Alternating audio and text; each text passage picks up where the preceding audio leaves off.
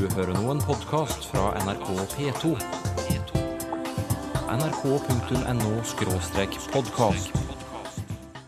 Jeg vet ikke, jeg, men jeg tror det gjør seg at det går bra. Ikke? Det skulle ha vært noe helt annet. Kjør det vålegale, kjør det mykje, vålegale, kjør det mykje.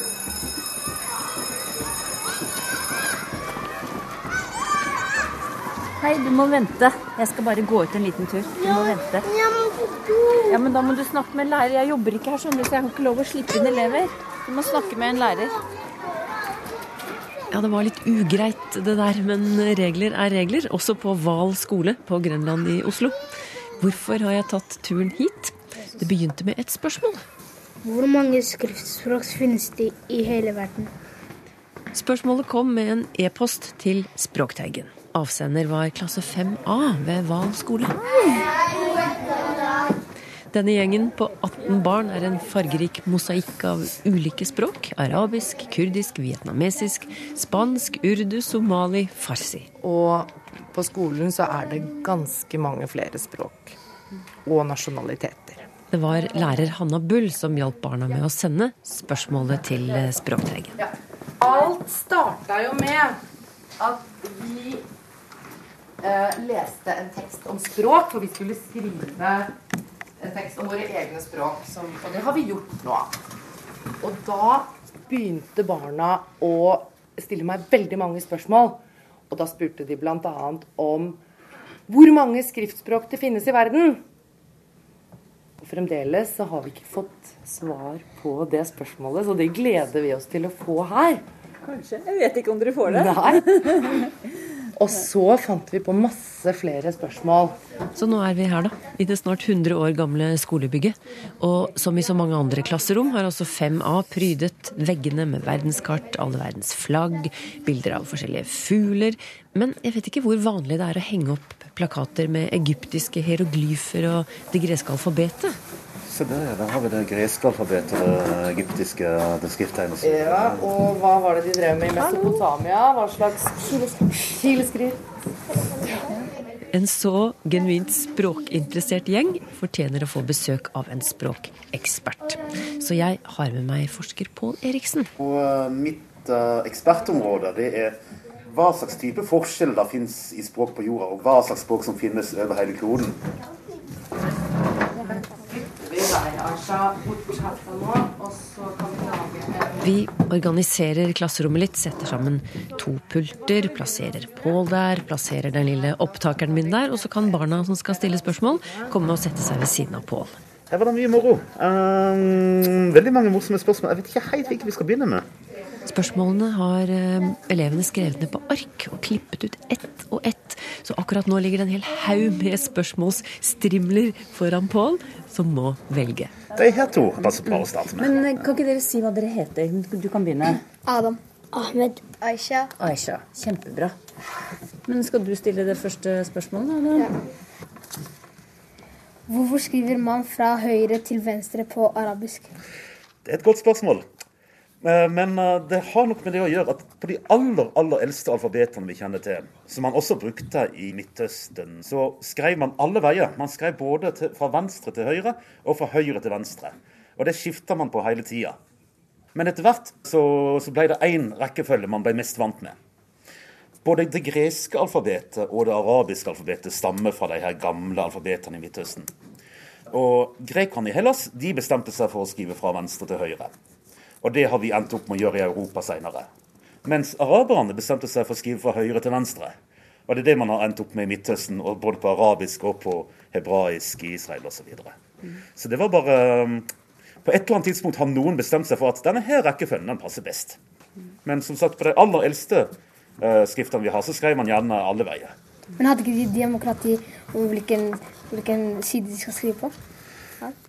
Altså om man hadde en uh, avstemning eller noe. Ja. Nei, det foregikk nok ikke sånn. Og det var ikke så mange som kunne skrive heller. Så det var de få som kunne skrive som uh, etter hvert ble mest vant med å skrive én retning. Og etter hvert som man ble vant med det, så var det det som alle endte opp med å gjøre. Men, men hva syns du Adam, om å skrive eh, fra høyre til venstre? Sånn som man gjør i arabisk, da? Det er det er samme, det er like lett. Like lett. Like lett begge veier? Ja. Da, da er du flinkere til å skrive enn meg, for jeg syns det er helt håpløst å skrive fra høyre mot venstre. Men du er vant til begge måter å skrive på? Ja. Mm. Du skriver både arabisk og norsk? Ja, begge. Ok. Og så var det Afsana. Afsana. Afsana, vær så god. Hva er det du lurer på? Hvorfor har ikke alle landene samme bokstaver? Um, hvorfor man bruker forskjellige alfabeter, f.eks. For eksempel. altså for, for hvorfor norsk bruker et alfabet som er helt annerledes enn det arabiske.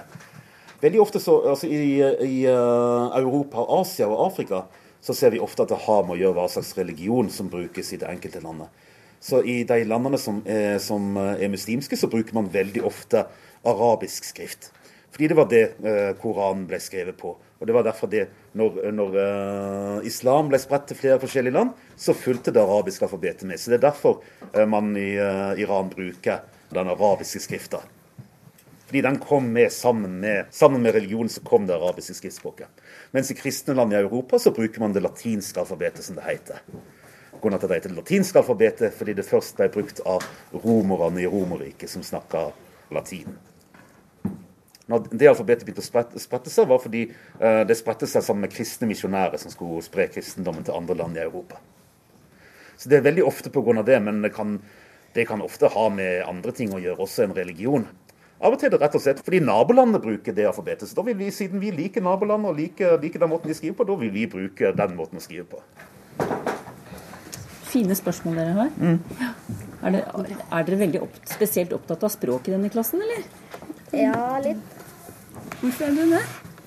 Fordi vi har så mange forskjellige språk, og vi vil eh, vite om andre språk også. Vi lærer litt om andre språk. Ja. Derfor.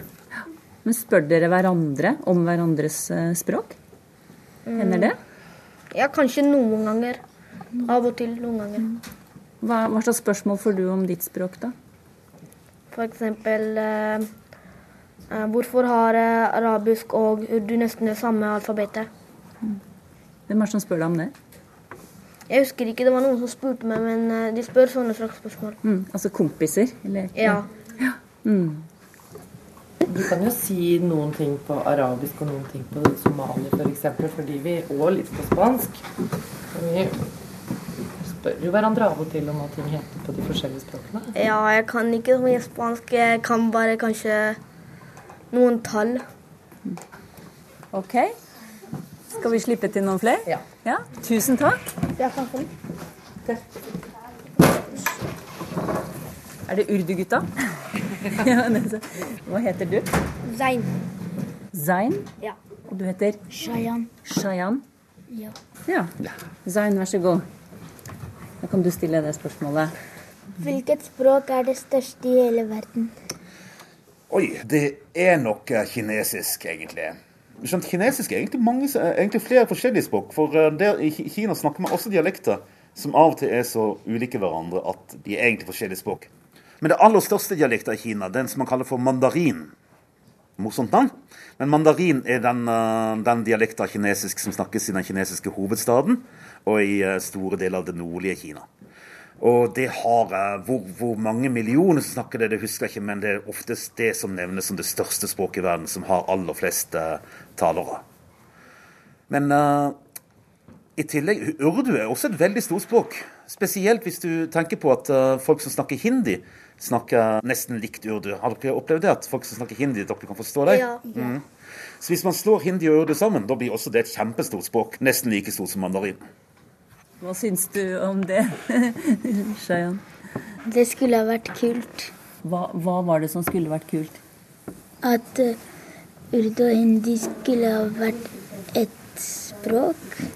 Egentlig, De er så like hverandre at de nesten er samme språk. Jeg vet, jeg har sett sånne indiske filmer også og snakker helt Jeg forstår alt. Bare ikke noen ord.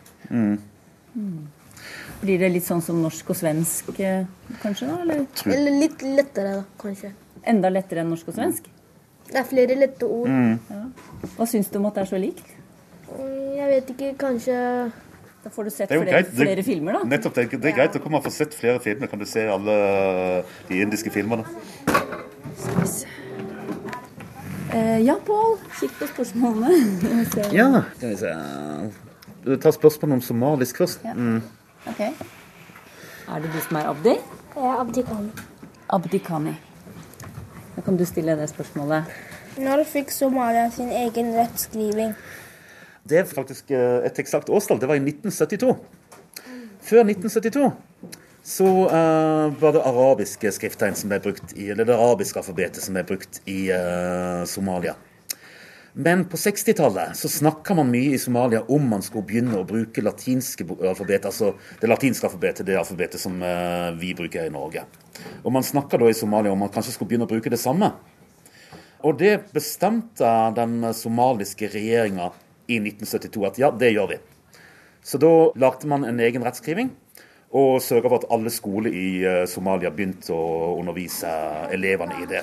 Så det, var, det, var faktisk, det vet man faktisk eksakt hvilket år man begynte å bruke. Det var i 1972. Hvorfor bytte Somalia fra arabisk til europeisk skriftspråk? Som sagt, det var veldig mye diskusjon om det i Somalia, om man skulle bruke arabiske skrifter eller europeiske. Men man, man kom til at det ville bli mye mer enklere for somaliere å greie seg rundt i verden hvis de brukte det latinske alfabetet. Annet fordi mange datamaskiner, skrivemaskiner osv. var bygd opp for å bruke europeiske skrifttegn. Så det ble mye mer enklere for somaliere å klare seg i den store verden ved å bruke det europeiske alfabetet. Nå er det jo sånn i dag at man kan fint klare seg i den store verden også med det arabiske alfabetet. Så det hadde nok gått greit om eh, Somalia hadde beholdt det arabiske alfabetet, men eh, man, man syntes at eh, det var mest praktisk, rett og slett, bru- å skifte til det europeiske. Og det var faktisk én en enkelt uh, somalisk språkforsker som, fikk, som, som tok på seg jobben med å lage uh, den somaliske rettskrivinga som kom i 1972.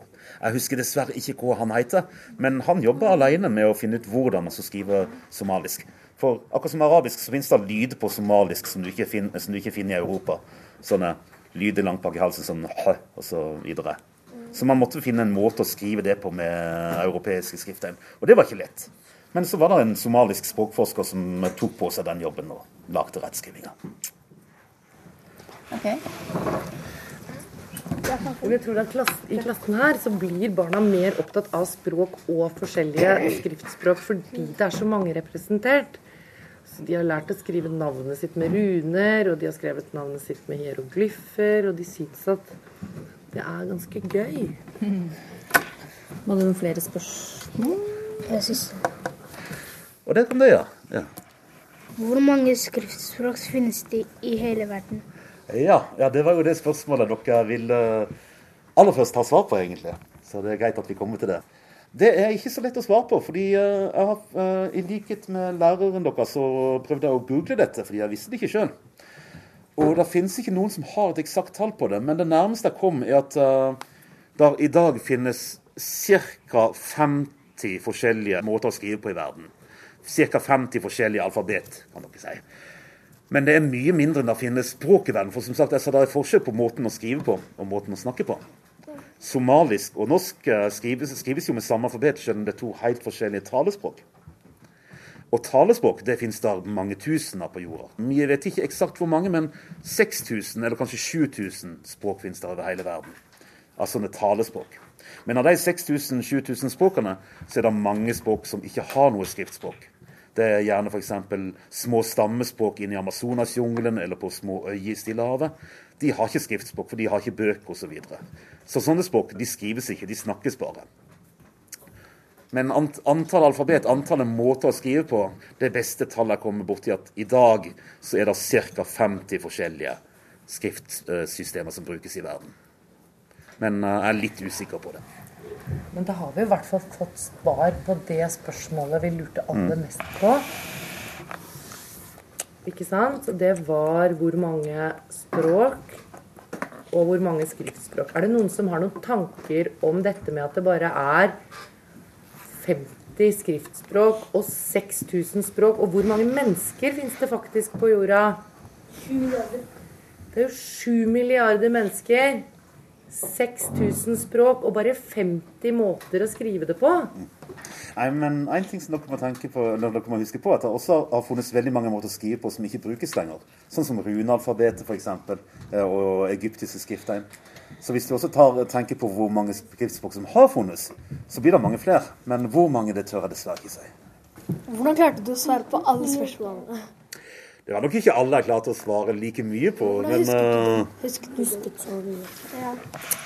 jeg har jobba i mange år som språkforsker, så um, så det blir, det blir som eh, kineserne som, som må lære seg to, flere tusen tegn. Når man har gjort det i mange år, så lærer man å huske det etter hvert. Så det blir, det blir nesten sånn. Skal vi si takk for eh, oss? Takk for oss.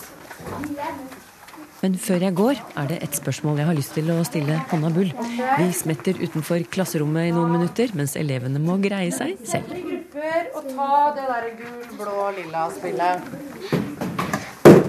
Jeg er ikke langt unna. Vi står rett utenfor her og hører alt dere sier og gjør.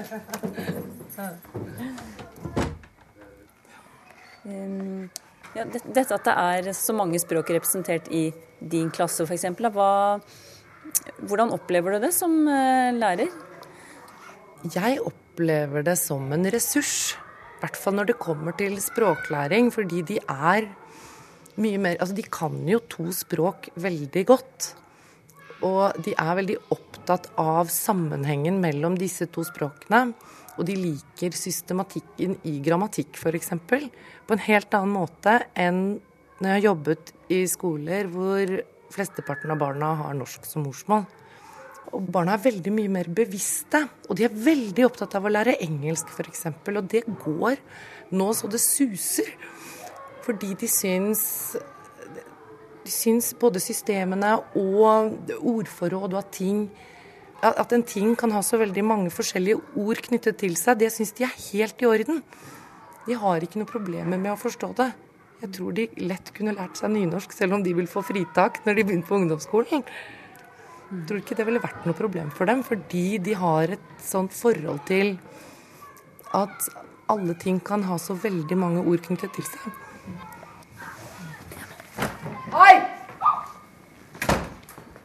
Der var det visst slutt på harmonien i klasserommet, og lærer Hanna må inn og ordne opp. Men vi kommer tilbake til Hval skole, for klasse 5A hadde enda flere spørsmål enn dem språkforsker Pål Eriksen rakk å svare på i dag.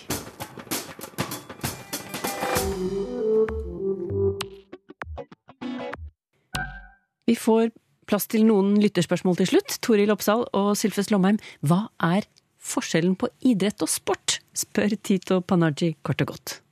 Eh, Her eh, må vi snakke litt om kropp. Det, det skader ikke. Eh, Idrett er primært kroppsøving. Det er en fordel med styrke, smidighet og utholdenhet når du driver med idrett. I våre dager så bruker man riktignok idrett og sport om hverandre. Men i utgangspunktet så har du ikke det samme kravet om kroppslig styrke knytta til sport. Eh, Sport kan være en fritidssyssel eller en aktivitet hvor du rett og slett sitter rett opp og ned. Eh, Men det krever trening, det krever forberedelse. Så seiling, travsport, sjakk f.eks., det veit vi jo eh, at krever forferdelig mye innsats. Pilkasting er en sport, men en del av de som deltar i VM, de hadde ikke klart å gå 400-meteren engang, for å være litt ja, flåsete. Men likevel, eh, det er nok der hovedskillet går. Og idrett er jo også et eldre ord enn sport, som har kommet inn eh, seinere. Eh, og begge har nok også et konkurranseelement knytta til seg. Gjør du også dette skillet, Sylfes Lomme? Ja, og og det er rett som Toril er inne på, at idrott, idrett er eldre. Og der må jo legge til at i skikkelig gammel tid, altså i, i, eh, for 1000 år siden, når de hadde idrott, så var det rett og slett ikke bare fysisk, men det var også åndelig. Slik at det å lage et skaldekva, det var også en idrott før. Men det artige er jo at eh, sport, som vi ikke hadde i norsk før på slutten av 1800-tallet, det kom fra engelsk, og derfor er det typisk at eh, vi snakker om fotball som sport, og ikke som idrett. Vi sier ikke fotballidrett, men fotballsport. Og fotball kommer jo òg fra England, slik at eh, det, det er veldig mye å si om disse to orda. Og det artige er jo at sport. Vi burde egentlig sagt port, fordi at den S-en tilhører egentlig ikke port. Det kommer fra ordet desport. Og dess er førestavning som betyr bort. Og port er det samme som i portør og alt det har med å bære, slik at desport betyr å bli båren hen eller båren bort, altså adspredelse. Så den egentlige leksikalske betydningen av sport er noe du blir henrykt av, en adspredelse, medan idrott skriver seg jo fra dette verbet å iast også, som betyr å utføre eller å gjøre noe, enten det er åndelig eller fysisk. Oskar Garnes etterlyser bakgrunnen for ordet underdanighet. Underdanighet. Har det noe med dansketiden å gjøre, spør han, da vi, den tiden vi lå under Danmark? ja, jeg liker tanken. Jeg liker virkelig tanken, men her er det nok sånn at dette etterleddet danig, det handler om det tyske ton å gjøre, altså verbet å gjøre. Eh, Så dette handler om å gjøre noe overdrevent ydmykt, og det å være ærbødig eh, rett og slett. Eh, Og at det skal handle om vår, ja, vårt danske åk, det, det har jeg litt problemer med å, med å se for meg. Men kanskje, kanskje det har forsterka vår følelse av å være underdanig av og til. Ja, Det skal vi ikke se bort fra, men i utgangspunktet så henger nok ikke dette sammen, nei. Er det noen som vet hvor uttrykket 'så hatten passer' kommer fra, spør Christian Linderud på Facebook. Og det veit Språkteigen. Det kjem fra tysk. Etwas auf den Hutkrigen, altså å få noe på hatten. Og da må vi tenke oss at eh, en person som har et hatt, han får et slag på hatten, slik at hvis ikke den passer heilt fra før, så får den iallfall en sikker og trygg plass på hovudet hvis en blir eh, slegen på. Og det betyr òg at dette har fått etter hvert Det er jo ikke bare Det er jo verken vennlig eller hyggelig å få et slikt slag på hatten, det forstår vi. Og derfor så å få så hatten passer, det er et idiom, altså et fast uttrykk for å få kraftig kritikk. Hva er riktig å si om en dame som står på, jobber hardt og får ting unna fort, spør Anita Myhren. Er hun et drivjern eller et rivjern? Og Anita forteller at det er stor diskusjon om dette i jenteklubben. Og jeg kan legge til at også lytter Bente Helle Molstad spør om dette. Kanskje de er i samme klubb, eh, Toril Oppsand? Ja, jeg er ikke i denne klubben, men, eh, for jeg har faktisk ikke vært i stand til å finne noe særlig belegg for drivjern brukt i denne sammenhengen. Eh, Så jeg er frista til å si at dette her er en forvrengning av rivjern. Eh, Fordi rivjern er tilgjengelig som et egna ord å bruke om denne personen. Eh, For rivjern det brukes både om en effektiv person som får arbeidet unna i en fei, og om en person, og ikke minst særlig en kvinne, som er skarp i kjeften og ganske ubehagelig. Så rivjernet har både en eh, positiv og en negativ betydning. Men det er klart at begge disse har utgangspunktet i et redskap. Eh, Og kanskje særlig i våre dager det redskapet vi har på kjøkkenet, som vi bruker til å rive potet. Også en sånn liten variant som noen bruker til å rive muskat. Og... Men drivjern, det har jeg ikke hørt i denne betydningen, men det er ikke umulig. Fordi drivjern, eller drevjern, er også et redskap. Hva brukes til? Eh, Som, eh, så vidt jeg har forstått, så er dette her noe du bruker bl.a. til klinking av båter. Det er særlig i bruk i, i, i båtbygging. Eh, Og det å ha noe som er hardt og slagkraftig, og kan man tenke seg blir brukt om et effektivt menneske. Eh, Men, men rivjern er nok det aller mest alminnelige å bruke om dette. Men du Sylfest, kjenner du kvinner som er drivjern, eller er de eh, rivjern alle sammen? Nei, de eneste kvinnene jeg kjenner, de er rivjern i tyinga veldig eh, skikkelige, arbeidsomme og tiltaksføre kvinner. Mm. Men har du hørt drivjern brukt? du? Nei, nei da, jeg, jeg mener det er det er rett og slett ei sammenblanding med et drivende kvinnfolk, sannsynligvis. Så eh, jeg er tilbøyelig til å være litt eh, litt eh, tøffere i min dom å si at eh, det heter egentlig Rivieren og ikke noe annet. Mm. Vi har jo sett på diskusjonsfora på nettet at det her har vært diskutert, i hvert fall folk har lurt på det. Heter det rivjern eller drivjern? Så det, det er flere enn disse to vi nevnte som, som lurer på hva som er riktig. Så kanskje du rett og slett kan være et drivende dyktig rivjern. Torstein Grodås Standal mener at det de siste årene har blitt vanlig å si og skrive seneste i stedet for eh, siste. Han har eh, et eksempel. I sin seneste bok, eller i Tottenhams seneste hjemmekamp. Seneste er jo i hovedsak en tidsreferanse, skriver han, mens siste det refererer vel til rekkefølge? Toril, har du noen mening om dette? Ja, altså, eh, Seneste er vel ikke bare en tidsreferanse. Og både siste og seneste kan brukes på den samme måten. Eh, men eh, grunnen til at seneste kan synes å ha blitt mer utbredt, er nok at dette handler om en måte å unngå en tvetydighet på. Eh, hvis du sier at noe er en siste av noe, så er det jo en avslutta handling. Mens hvis noe er en seneste, så er det en foreløpig avslutta handling. Vi kan snakke om den siste filmen til en skuespiller, eh, det kan faktisk misforstås. Ja. Er du enig med meg? Jo, at det var det, eh, det Nå kommer det ikke flere nå filmer. Nå kommer det faktisk ikke flere filmer, og det kan jo være tragisk nok. Eh, ved å bruke seneste, så, så unngår du den tvetydigheten. Men i veldig, veldig mange tilfeller vil konteksten avgjøre. Sånn at det, det, det er sammenhengen der gjør det klart at det nok neppe er den siste filmen til denne regissøren, som fortsatt uh, lever iblant oss. Uh, jeg gikk for moro skyld uh, inn og så tenkte jeg at jeg skulle finne et eksempel på at disse formene lever side om side. I hvert fall få det bekrefta. Og da gikk jeg inn i et konversasjonsleksikon fra 1930-tallet. Mm. Og her tenkte jeg at her vil det jo være forfattere som lever, og forfattere som ikke lenger er iblant oss. Og der er begge brukt om bøker. Siste bok og seneste bok i begge betydninger. Det er eh, faktisk både brukt om den siste boka en forfatter rakk å skrive, og den siste boka som foreløpig har kommet ut. Begge variantene er brukt side om side. Har du spørsmål til Språkteigen? Skriv til Teigen, krøllalfa nrk.no, eller til Språkteigen, NRK P2, 7005, Trondheim. Så finner du oss også på Twitter og på Facebook.